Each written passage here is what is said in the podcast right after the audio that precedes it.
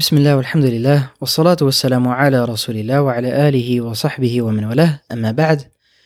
Beste luisteraars, assalamu alaikum wa rahmatullahi wa barakatuh. Welkom bij de elfde aflevering van onze reeks Een kijkje in het leven van de profeet sallallahu alayhi wa sallam. In de vorige aflevering hebben we kennis genomen van de eerste openbaring en de ontmoeting van onze profeet sallallahu alayhi wa sallam met Waraqatu ibn Nawfal. Hij vertelde onze profeet wie de engel was die hij had gezien en wat hem te wachten stond. Alvorens we verder gaan, laten we nog even wat feiten op een rijtje zetten en daarmee wat misvattingen weghalen die verspreid worden over onze profeet en ons geloof. Zoals deze eerste openbaring ons leert en wat vaker terug zal komen in het leven van onze profeet, is het feit dat hij niet kon lezen en schrijven. Onze profeet was analfabeet. Dat doet overigens niks af aan zijn intelligentie. Want zelfs Quraysh erkende de wijsheid van onze profeet sallallahu alayhi wasallam. En hij werd meermaals om advies gevraagd. Dus onze profeet was een intelligente man die slechts de vaardigheden lezen en schrijven miste. En dat is met een absolute wijsheid van Allah tabarak wa ta'ala. Want hoewel dit wordt gezien als een defect bij de normale mens, was dit perfectie bij de profeet. Het feit dat hij niet kon lezen en schrijven bevestigde namelijk zijn profeetschap. En dat hij gezonden was door Allah tabarak wa ta'ala. Want hoe anders kon hij met al deze informatie komen? Hoe kon hij vertellen over zaken die alleen de geleerden van het christendom en jodendom kenden en die zij verstopten voor de leken? Hoe kon hij ons vertellen over medicijnen, het menselijk lichaam en zaken die slechts tot verkort ontdekt zijn zonder ooit geneeskunde te hebben gestudeerd?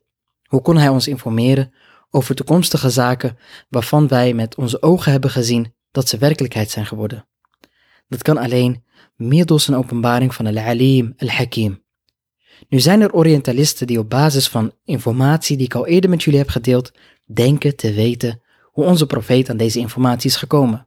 Zo zou hij bij Bahira hebben gestudeerd, de monnik die hij in zijn jeugd was tegengekomen tijdens zijn reis met zijn oom Abu Talib. Of dat Waraqatu ibn Nawfal hem zou hebben onderwezen.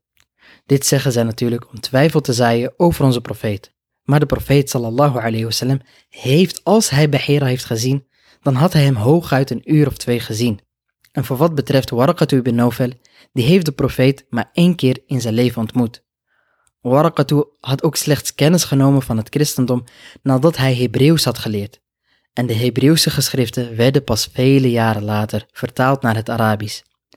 En wie het tegendeel beweert, moet dat onderbouwen en bewijzen. Allah wa ta'ala heeft gezegd, وَلَقَدْ نَعْلَمُ أَنَّهُمْ يَقُولُونَ إِنَّمَا يُعَلِّمُهُ بَشَرٌ لسان الذي يلحدون إليه أعجمي وهذا لسان عربي مبين. En voorwaar, wij weten dat zij zeggen, het is slechts een mens die hem heeft onderwezen. De taal van degene waar zij valselijk naar verwijzen is vreemd, oftewel niet Arabisch, terwijl dit in zuiver Arabisch is. Na de eerste openbaring in Hira en na de ontmoeting met Waraqa verbleef de profeet een periode waarin hij geen openbaring kreeg.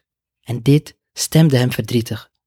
Tot hij op een zekere dag buiten liep en een stem uit de hemel hoorde. De profeet sallallahu alayhi wasallam zei hierover: Terwijl ik liep, hoorde ik plotseling een stem uit de hemel. Ik hief mijn hoofd op en zag de engel die tot mij was gekomen in Hira. Hij zat op een stoel tussen hemel en aarde. Ik werd bang van hem. Ik ging terug naar huis en zei: Bedek mij, bedek mij. Hierop openbaarde Allah ta'ala: Ja, fa'andir, wa rabbaka fakabbir, wa thiyabaka fatahhir, wa rujza fahjur. O jij ommantelde, sta op en waarschuw, en verheerlijk jouw Heer, en reinig jouw kleding, en vermijd de afgoden. Vervolgens werd de openbaring heviger en kwam opeenvolgend. Deze openbaring bevestigt de taak en missie die onze profeet sallallahu alayhi wasallam had gekregen. Om ve'endir, sta op en waarschuw. Roep de mensen op naar het tawhid, dat er geen God met recht aanbeden wordt behalve Allah tabarak wa ta'ala.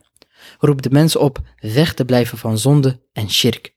En met deze openbaring steeg de profeet sallallahu alayhi wasallam in rang. En was hij niet alleen een nabi, een profeet, maar ook een rasool, een boodschapper. En de profeet begon met het uitvoeren van zijn taak en begon heimelijk mensen uit te nodigen naar de islam. En hij begon met zijn intieme kring. Zo was de eerste die in de boodschap van de profeet geloofde, Khadija radiyallahu anha, zijn grootste steun. En na Khadija kwam Abu Bakr, de beste vriend van onze profeet sallallahu alayhi wasallam. Abu Bakr as-Siddiq was geen onbekende binnen Quraysh. Hij was een man met een hoogstaand karakter, vriendelijk en oprecht. En ook Ali ibn Abi Talib, die de profeet in huis had genomen, omarmde het geloof op tienjarige leeftijd. En nadat Abu Bakr de boodschap van het Tawhid had omarmd, begon hij zelf mensen uit te nodigen naar het geloof. Zo volgden Uthman ibn Affan, Zubair ibn Awam, Sa'd ibn Abi Waqqas en nog anderen. Die bracht Abu Bakr naar de profeet en zij traden toe tot de islam en verrichtten het gebed. En het mooie was dat de islam heimelijk in alle lagen van de samenleving zaadjes begon te planten. Ondanks het tribalisme dat normaal gesproken de koers bepaalde, zag je dat mensen onafhankelijk van elkaar geloofden in deze boodschap. Zo was er niet een specifieke stam die meer volgers van het geloof kende. Sterker nog, voor het eerst speelde afkomst en status geen rol.